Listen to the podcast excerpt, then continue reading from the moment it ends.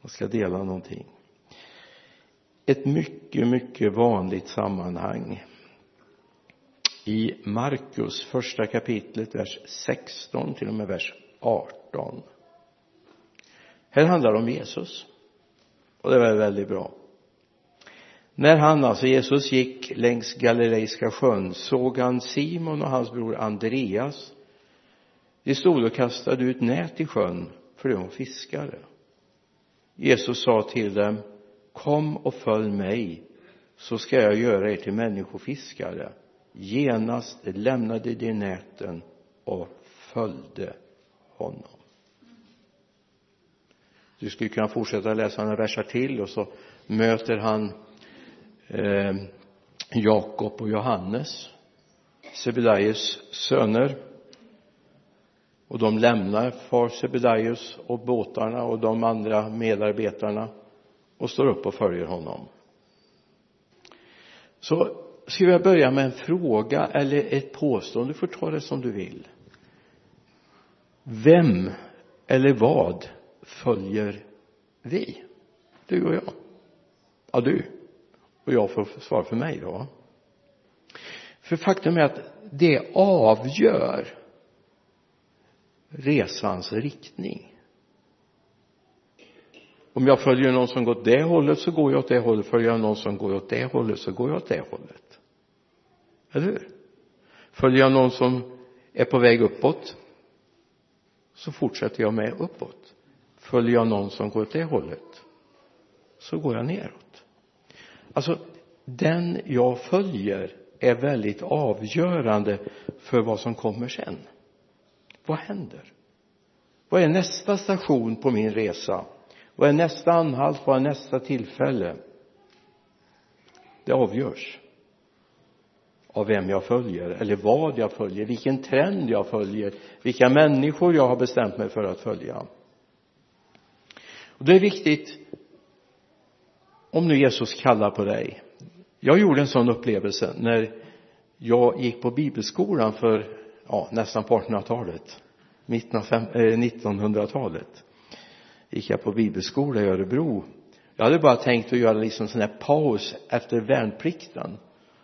Och så tänkte jag skulle fortsätta det jobb som jag skulle ha i Falköping på ett elföretag. Jag hade fått sån här jättefint erbjudande. Sån här riktigt guldkantat erbjudande. Jag var nyutexaminerad eh, från en skola och de hade varit och värvat mig och den där natten jag och en kille som heter Yngve vi sov i samma rum hos en gammal dam, en gammal kristinna som förmodligen var uppe hela nätterna och bad för de där stackars pojkstackarna som bodde där på rummet och skulle gå på bibelskola. Så vaknar jag av att en röst säger följ mig. Följ mig. Och jag tänkte nu yrar Yngve där borta. Så jag var skakad på honom och sa nu får du allt vara tyst. Jag ska sova ska på bibelskola imorgon det skulle ju han också. Han bara tittar yrvaken och säger jag har inte sagt någonting. Tre gånger händer det. Och då påminns jag om den där Samuels upplevelse. Helt plötsligt förstår jag det här är Gud. Talar tydliga ord. Det var inte bara en känsla det var inte bara en närvarokänsla utan jag hörde tydliga ord. Så som en människa talar och det står ju faktiskt om det att man kan vara inför, Mose var inför Gud och talade med som män brukar tala med män, ansikte mot ansikte. Och då hade jag ett val den där kvällen, natten, morgonsidan, jag kommer inte ihåg vilken tid det var. Enligt ta det här på allvar och säga, Gud, är det någonting du vill? Är det någonting du vill? Och så började det snurra, jag hade svårt att somna sen igen, snurra jobbet, pengarna, lönekuvertet. Man fick ju det på den tiden i handen. Och jag menar jag visste ju vad min pappa tjänar och jag hade alltså tre gånger så mycket erbjudande som min pappa tjänar som då har jobbat i många år. Och jag hade skrivit på kontrakt och allting. Jag, jag körde alla argument som går med Gud alltså och sa det, du vet, jag har ju skrivit kontrakt och en kristen ska ju hålla ja, ja, nej, ja, nej, va? Men det bara fortsatte. Så jag fick ringa min tilltänkta arbetsgivare och säga att kan jag få skjuta på starten på jobbet? Och då sa han nej. Endera börjar du på avtalad tid eller också blir det ingenting. Jag såg bara de där lönekuvertet fladdrade iväg. Och jag sa då blir det ingenting jag behövde betänketid. Och jag, idag är jag väldigt glad för det. Väldigt tacksam. Hade jag inte haft sällskap då så hade jag nog inte överlevt för att Birgitta jobbade och förtjänade lite pengar när jag åkte ut på fältet och som evangelist. Så skickade hon. Nu är det preskriberat va? Man kan berätta sånt här nu va? Hon skickade pengar i kuvert. Vek in det så jag kunde få en 20 eller en eller 20 fanns det. 20 kronor eller en 50-lapp och så vidare så jag kunde äta mat för jag hade ju bil och försökte tanka den också. Men det hade jag inget för. Alltså inga pengar av församlingen jag hade en månadslön och så skulle jag betala ihjäl hyra. Så det var knappt så jag fick salt i vällingen. Men vilken resa jag har gjort. Underbart. Tjäna Gud. Men alltså när man blir erbjuden någonting av Gud så är det inte säkert man blir rik i pengar. Men man blir rik i Gud och då handlar det om någonting. Och det står i inledningen av Hebreerbrevets elfte kapitel. Då står det så här tron är en övertygelse om det man hoppas om visshet om ting som man inte ser. Övertygelse om det man hoppas en visshet. Alltså visshet är ingenting så här det ja men det kanske en visshet är det är något säkert va? Jag är viss om att det här ska ske. Jag ska gå den här vägen jag ska göra det här. Det är tron som skapar den vissheten om någonting som man inte ser än som man inte har mött än. Och då tänkte jag så här. Inte då men nu när jag förberedde alltså. Mose. Han var med om många märkliga saker, eller hur? Men jag tänker ett speciellt tillfälle och jag funderar på om du och jag hade hamnat i hans situation vad vi hade gjort. Hur mycket hade vi litat på Gud? Tänk dig när man har kommit ut ur landet med hela den här stora skaran människor ganska ostyriga bökiga tvivlande ja och till och med var på väg att försöka göra myteri. Och så kommer man till havet Röda havet berg på två sidor och så den egyptiska armén. Och så säger Gud varför skriker du? Dra vidare. Var då? Dra. Det är ju hav. Det är djupt. Gud det är djupt. Och så säger Gud till dem ta din stav räck ut den över havet. Får jag göra en liten paus där? Många som har gjort sådana gudsupplevelser. De skulle gjort en turné åkt runt och berättat Gud talar till mig. Kan du tänka Gud talar personligen till mig. Och han till och med sa tala om vad jag skulle göra för någonting. Han visste att jag hade en stav och den skulle jag och så har han gjort en mötesturné. Det hade du och jag kanske gjort. Han gjorde inte det. Han litade på tilltalet och han räcker ut staven och så delar sig vattnet. Alltså att våga lita på Gud det är att göra det Gud säger att vi ska göra. Inte det vad andra tycker utan jag gör det Gud har sagt till mig. Alltså det handlar om att våga lita på Gud. Och våga lita det är inte att liksom säga jag litar på Gud jag litar alltid på Gud. Det Gud säger det gör jag alltid. Men det är inte samma sak. Utan det handlar om att göra det och visa att jag litar på Gud. Det finns några tillfällen när Gud talar in i våra hjärtan. Där Gud ber oss göra saker. Där Gud ber oss stanna upp byta det där som jag hade tänkt göra jag skulle kunna berätta om många sådana här situationer där både människor har berättat, jag själv varit med om där Gud helt plötsligt har sagt att nej du var på väg dit. Men jag har ett ärende för dig här nu. Vi har en man här i Skaraborg han är hemma hos Herren nu Henry Kindbom jag vet inte om ni hört talas om honom i alla fall kanske borta ifrån Jotrakten, Karlsborgstrakten Forsvik bodde han lantbrukare som var ute och predikade och hade väl åtta, nio pojkar. Och var ute och sjöng tillsammans. Så kommer han ha ett möte i min hemförsamling där jag växer upp. Och han kommer en timma för sent. De sjöng den ena sången på den andra och läste det ena inledningsordet efter det andra och tittade på klockan och undrade för det fanns ju inga mobiltelefoner så man kunde inte ringa och fråga var är du någonstans? Man visste bara att Henry han dyker upp när han dyker upp. Och då berättar han.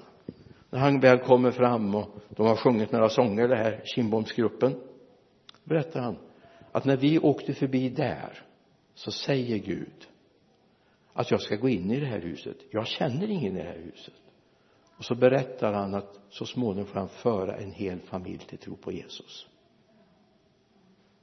Det handlar om att våga lita på Gud. Jag har väl berättat förut när jag åkte med Elida. När tarren kommer springande över däck jag står med Stefan i eh, kaptenshytten eller i styrhytten. Stefan står till rors och så säger tarren Stefan ropa på brorsan Thomas var med. Han får stå till rors en stund. Vi måste be och det tar fem, sex minuter så kommer de ut igen ur det de kallar för tryckkammaren. Det är alltså där kaptenen bor. Och sen vi, vi vänder. 180 grader tillbaka till Kungshamn. Vi var på väg ut ifrån Kungshamn. Och där står en man som har bett till Gud att tarren skulle komma tillbaka för han vill lämna sitt liv åt Jesus alltså det handlar om att våga lyssna och gå med Gud. Och då kan våra planer ibland slås omkull men Gud har lösning på det också. Gud har lösning på det. Det är inte så att andra människor kommer i kläm utan framför allt människor får lära känna Jesus. Och det är det det handlar om. Så våga lyssna. Här var det fyra bröder eller två brödrapar som får kallelsen följ mig. Så ska jag göra er till människofiskare. De genast lämnade dem och följde. Nu kan vi se det här lite grann i ett perspektiv som kan vara bra för oss att ha med oss. Att människor gjorde så här samlade en lärjungaskara. Var inte helt unikt på den här tiden. Vi kan bara tala om seloterna till exempel det fanns fler som samlade. Johannes döparen gjorde det. Han hade en lärjungaskara. Han lärde dem till och med att be säger lärjungarna till Jesus. Lukas 11 och 1 lär oss att be så som Jesus, eller Johannes lärde sina lärjungar att be. Så det var inte helt unikt. Ändå de fick ingen grann turistbroschyr i handen att eh, så här, det här erbjuder jag. Utan de var ganska utelämnade till honom. Och de var beredda att gå med honom. Det står i Markus 1 och 20 det handlade om eh, Johannes och Jakob. Genast kallade han på dem och de lämnade sin far Sebedaios i båten med arbetarna och följde Jesus. Så det är viktigt att man vågar lyssna, vågar gå och jag tror att det här förändrade hela den situation vi lever i. Tänk om inga lärjungar hade gått med Jesus. Tänk om inga hade brutit upp och gått. Så kom ihåg när Jesus kallar så kallar han till efterföljelse.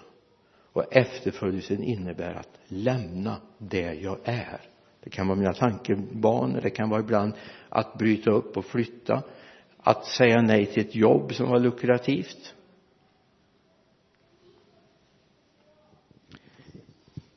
Kom ihåg Jesus kallar oss inte bara till att sitta på åskådarläktaren utan Jesus kallar oss att vara med och tjäna.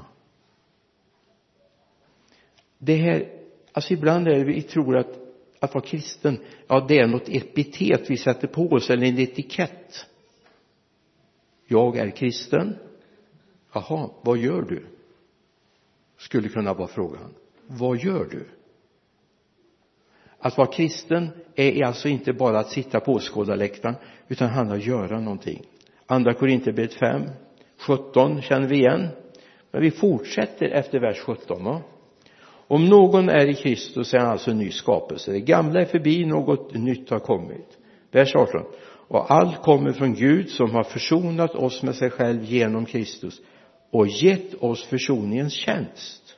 Vers 19 Gud var i Kristus och försonade världen med sig själv. Han tillräknade inte människorna deras överträdelser. Och han har anförtrott oss försoningens ord.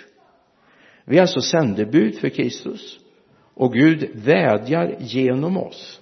Vi ber och Kristi uppdrag låt försona er med Gud. Alltså det är den kallelse vi har det är vårt uppdrag. Att vara frälst, att vara Guds barn det handlar om att berätta för andra. Och tala om att det finns faktiskt chans för dig. Du kan också få bli försonad med Gud och bli en del av hans gemenskap och då är det viktigt att vi lär oss vad som står i Hebreerbrevet 12 och 2 låt oss ha blicken fäst på Jesus trons upphovsman och fullkomnare. Låt oss ha blicken fäst på Jesus. Det är så lätt att vi faller bort och vi ser på annat och vi ser på omständigheterna, vi ser på kompisarna gör, hur de andra grannarna tänker och så vidare. Det är inte det vi ska ta vårt inriktning, vi ska ha på Jesus. Vi ska följa honom. Vi ska gå med honom. Vi ska tjäna tillsammans med honom. Det är så vi ska se på vårt liv. Alltså, vi är duktiga på det vi gör, men se att du gör det för honom, tillsammans med honom. Det är hans verk. Det är inte vårt verk. Det är inte vi som är duktiga, det är han som är duktig va? Och han vill använda oss för sitt verk. Vi ska också komma ihåg att börja gå med Jesus, det är en uppoffring. Aha. Och jag bara tänkte att det drar liksom spaken och så faller alla saker på plats. Men det är det inte. Det är en uppoffring. Jag tänker på ett sammanhang i Lukas 9. I vers eh, 57 medan de vandrade vägen fram sa någon till honom, alltså till Jesus, jag vill följa dig vart du än går. Jesus svarade, rävarna har lyor och himlens fåglar har bon, men människosonen har ingenstans att vila sitt huvud. Vad säger det? Jo, det är inte så fantastiskt bäddat för dem som går med Jesus. Det är inte omständigheterna runt omkring som är viktiga utan det är han som är viktig det är han som är viktig vi kan fortsätta läsa vers 59 till en annan sa han följ mig mannen sa herre låt mig först gå och begrava min far. Jesus sa till honom låt de döda begrava sina döda men gå du och förkunna Guds rike. Visst är det jättetufft. Till och med lite kärlekslöst, eller hur?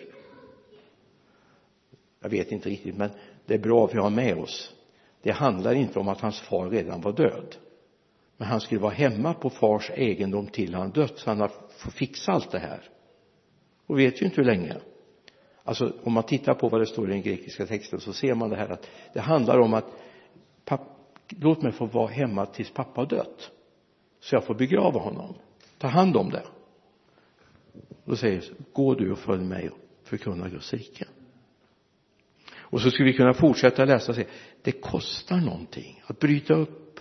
Det är inte så väl förordnat men du får vara med honom tryggheten är inte i omständighet tryggheten är i honom. Hörde något oerhört gripande igår kväll? Så vet åtminstone mer vem hon är som har lilla Arvin. Hennes pappa har varit allvarligt sjuk. Och i söndags fick vi be för pappan alltså han bor hemma i Teheran. Han visste nog inte om att vi bad men vi bad för honom i alla fall i söndags eftermiddag på vår eftermiddagssamling och sen hade hon meddelat sin pappa som är sträng muslim och mm, att vi, vi bad. Och igår fick vi höra pappan har blivit bra. Och så hälsar han till, genom sin dotter som bor i Sverige hälsa och tacka den där Issa att jag har blivit bra. Alltså hälsa den där Jesus att jag har blivit bra. Jag tycker det är underbart och så är de på väg mot Guds rike. Och så vill de mata dem med Guds ord. Och då finns det en iransk förkunnare som blev mördad här för ett tag sedan för att han så frimodigt förkunnade Jesus. Men före det han hunnit lägga ut ett antal Youtube-klipp.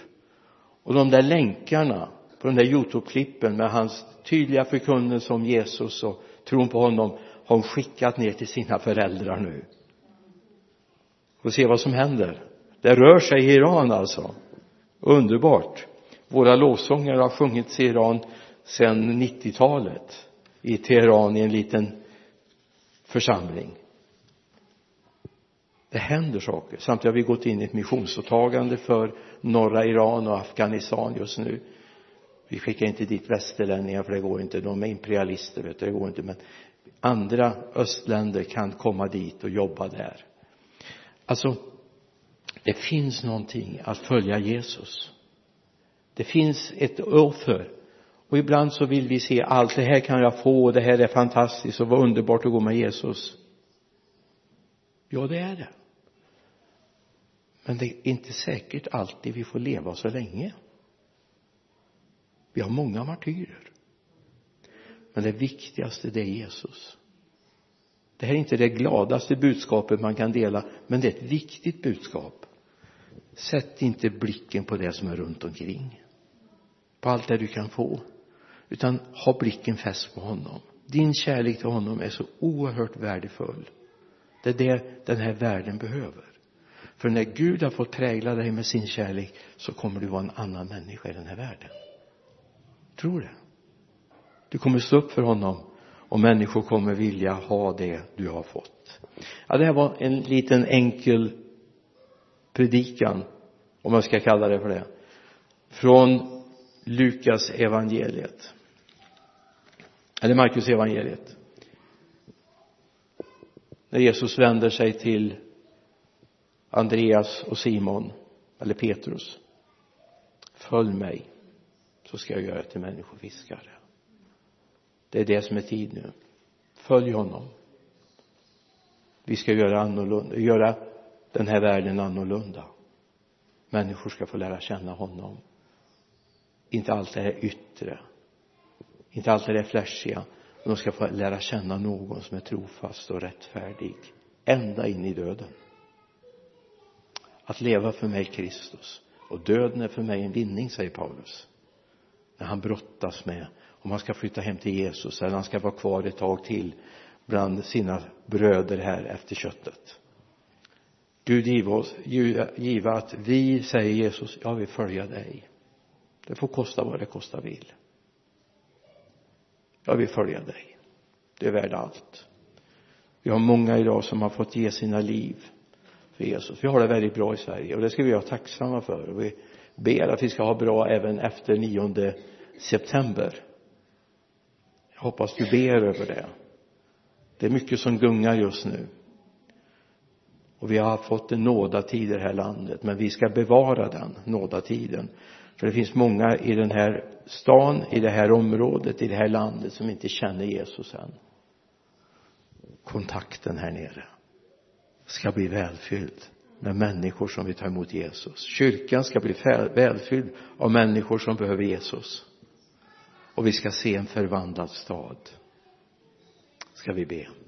Far jag bara tackar dig av hela mitt hjärta för att jag fick välja att gå med dig. Herre tack för att jag är så rikt på all välsignelse från dig. Herre trots att jag sa nej till ett arbete en dag så har jag aldrig behövt svälta en enda dag. Du är med. Och jag tackar dig för att jag har fått världens bästa jobb jag prisar dig Jesus för det. Välsigna mina syskon här herre. Låt dem få sätta blicken på dig. Du som är trons hövding och fullkomnare. Du som utstod lidandet för vår skull. Du som tog straffet på dig betalade vårt pris. Jag tackar dig för det.